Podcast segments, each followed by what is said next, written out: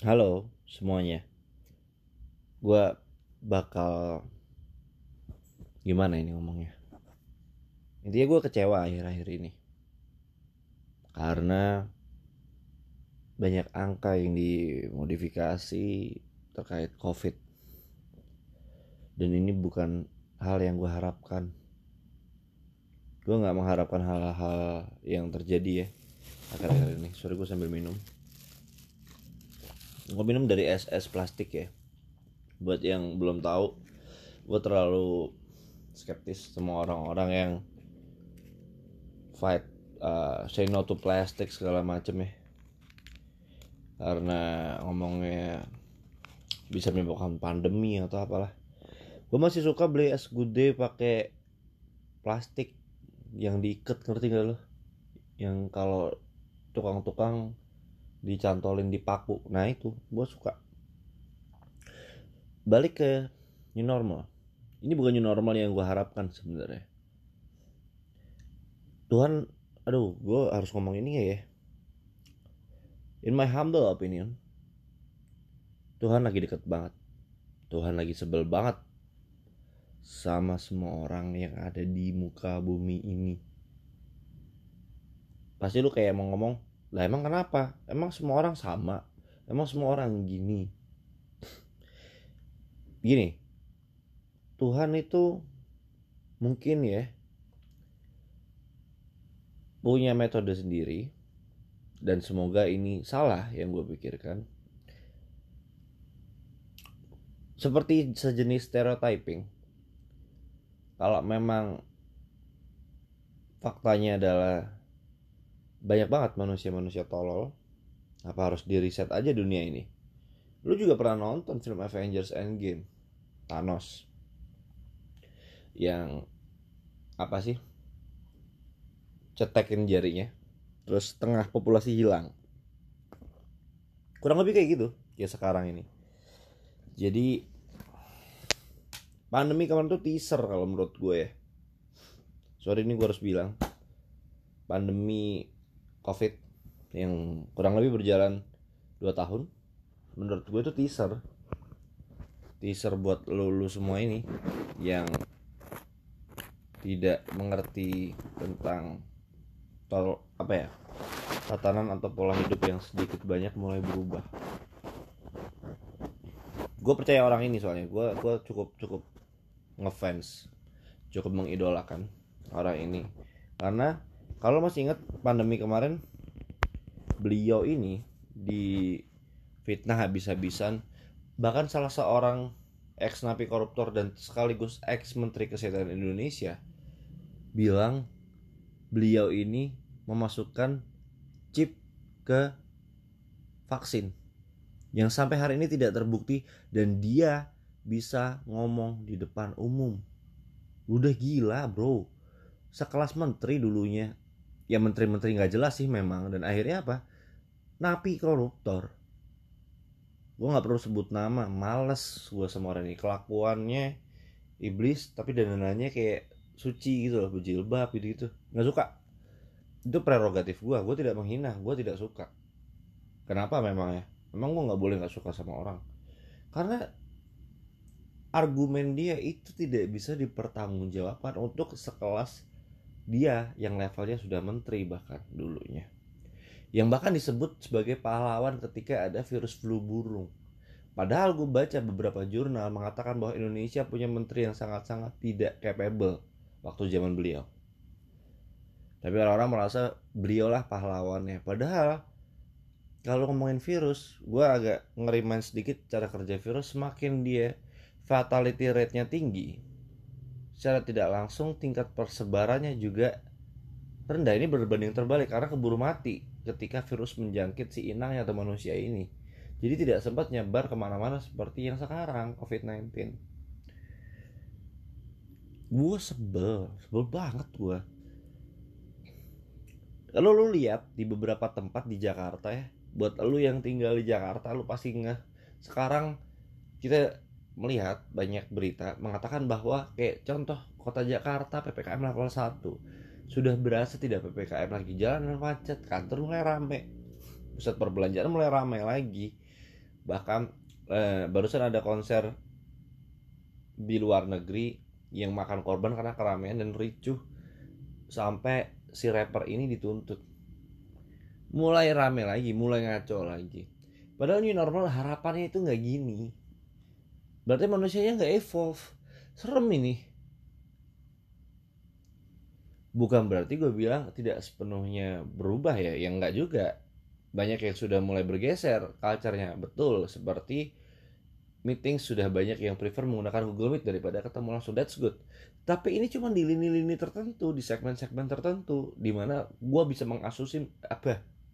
Gue bisa mengasumsikan ini di lini-lini yang well educated. Financially stable enough maybe. Nggak ngerti gue namanya apa yang tingkat kecerdasannya better lah ya daripada yang mungkin lu temuin di beberapa lokasi yang diajak ngobrol apa dikasih tontonan apa ketika ada berita korupsi dia bilangnya kenapa duitnya nggak buat gua aja ya? Bangsat nih koruptor. Nah tuh tipikal-tipikal orang yang nggak bisa dirubah. Dan orang seperti itu populasinya banyak gimana nih dan beliau yang gue bilang gue ngefans tadi Bill Gates namanya. Difitnah sama Bu Siti Fadilah. Tidak terbukti sampai sekarang. Ada chip di vaksin. Argumen macam apa ini? Kenapa seorang menteri kesehatan tiba-tiba jago nanoteknologi? Mungkin menurut gue Bu Siti Fadilah cocok suruh bikin ini kostum Iron Man yang di Avengers Endgame ya yang dipencet terus ada nanoteknologinya dia bisa langsung merambat dan membentuk suatu kesatuan suit yang bagus suit yang bagus. Kayak contoh kostum Spiderman yang dibikinin Tony Stark juga gitu ya Bu, Bu Siti Fadila mending bantulah bikin kostum Iron Man sama kostum Spiderman lah ya. Daripada ngomong tentang nanoteknologi yang ada di vaksin kan kurang kurang ini kurang kena ya mending bikin kostum Iron Man lah dan itu yang gue mau ngomongin adalah menurut gue Tuhan lagi deket banget. Tuhan lagi quote unquote micromanage orang-orangnya yang ada di muka bumi ini. Karena kebangetan. Gue udah kasih cobaan lo dua tahun ini lo nggak berubah. Masih kelakuannya sama.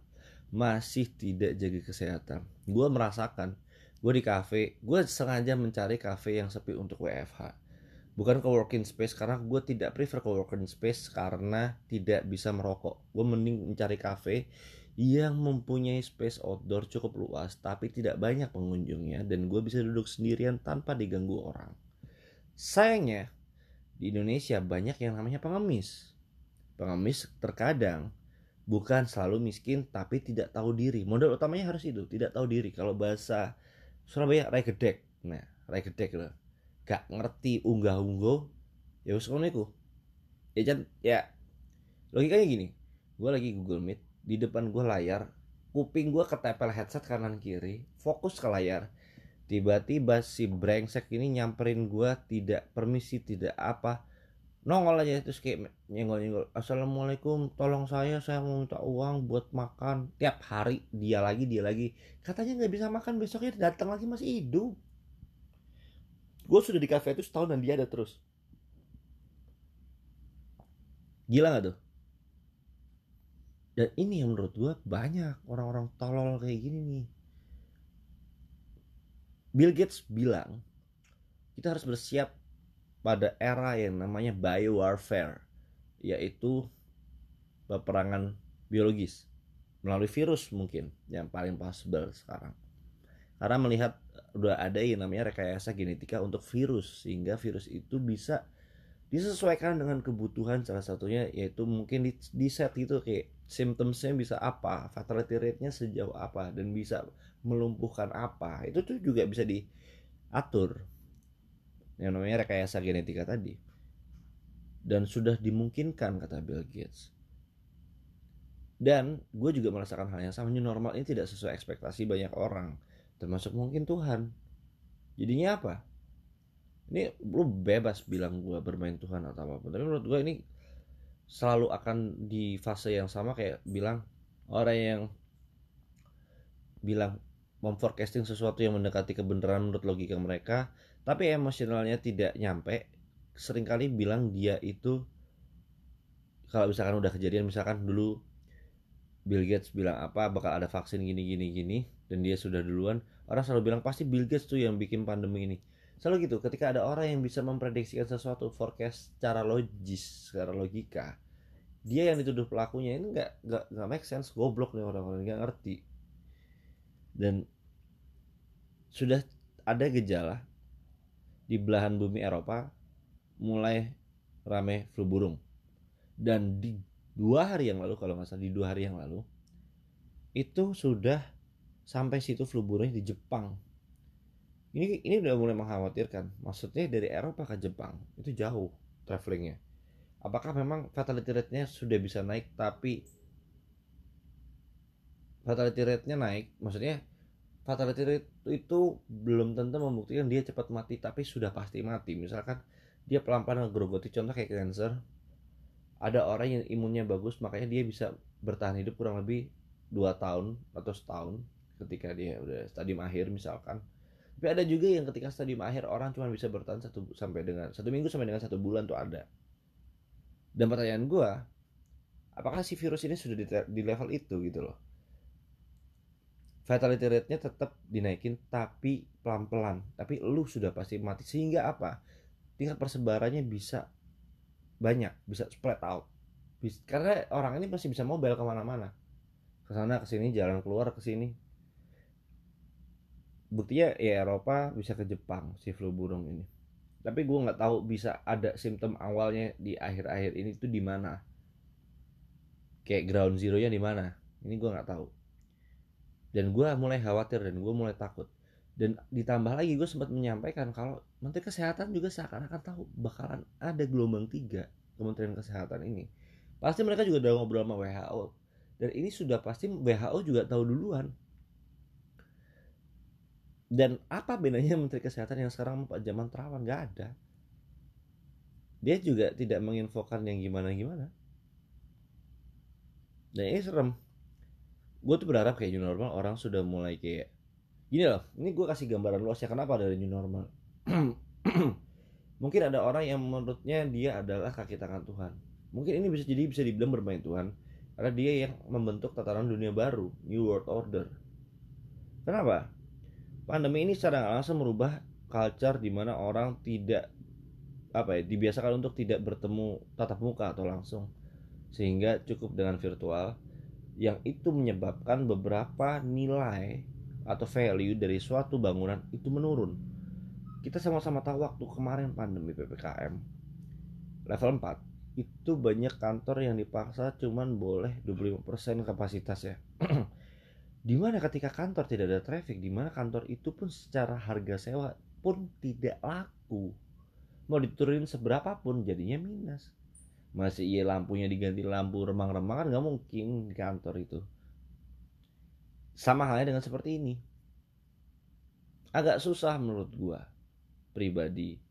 Kalau yang terjadi orang-orangnya masih kayak tidak pernah ada pandemi sebelumnya misalkan ya orang-orang rame di jalan orang-orang rame di pasar malam orang-orang rame di food court. Terus uh, untuk hotel di Bali itu harganya juga udah mulai lebih mahal dari sebelum pandemi anyway gue cek tadi. Ini bukan respon yang diharapkan. Dan yang sangat gue amat yakin akan datang virus itu. Mungkin flu burung wujudnya yang lagi mendekati ke kita.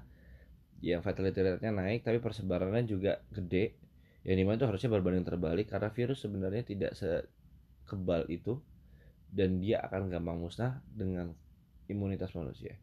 Tapi gue masih positif thinking atau optimis di mana genetika orang Indonesia itu genetika yang diperebutkan kalau memang segera mau buat vaksinnya ya harus pakai gen orang Indonesia. Karena kayak ya apa ya negara yang paling sering dijajah Indonesia yang mungkin campur tak campur campur ya darahnya. Jadi kayak simulasi the people of the world itu Indonesia gitu loh yang juga data DNA itu bisa dimanfaatkan untuk bisa menyerang semua suku, semua ras di dunia dengan darah Indonesia.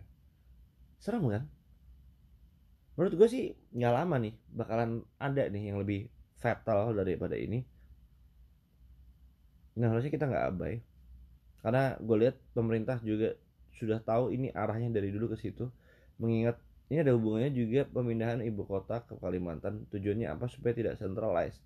Karena ketika centralized dia akan tahu itu bisa lumpuh negaranya. Ketika Jakarta diserang di nuklir misalkan selesai Indonesia. Makanya dipindah. Seperti dengan layaknya Amerika ada Washington DC dan New York. Harapannya seperti itu Indonesia. Dan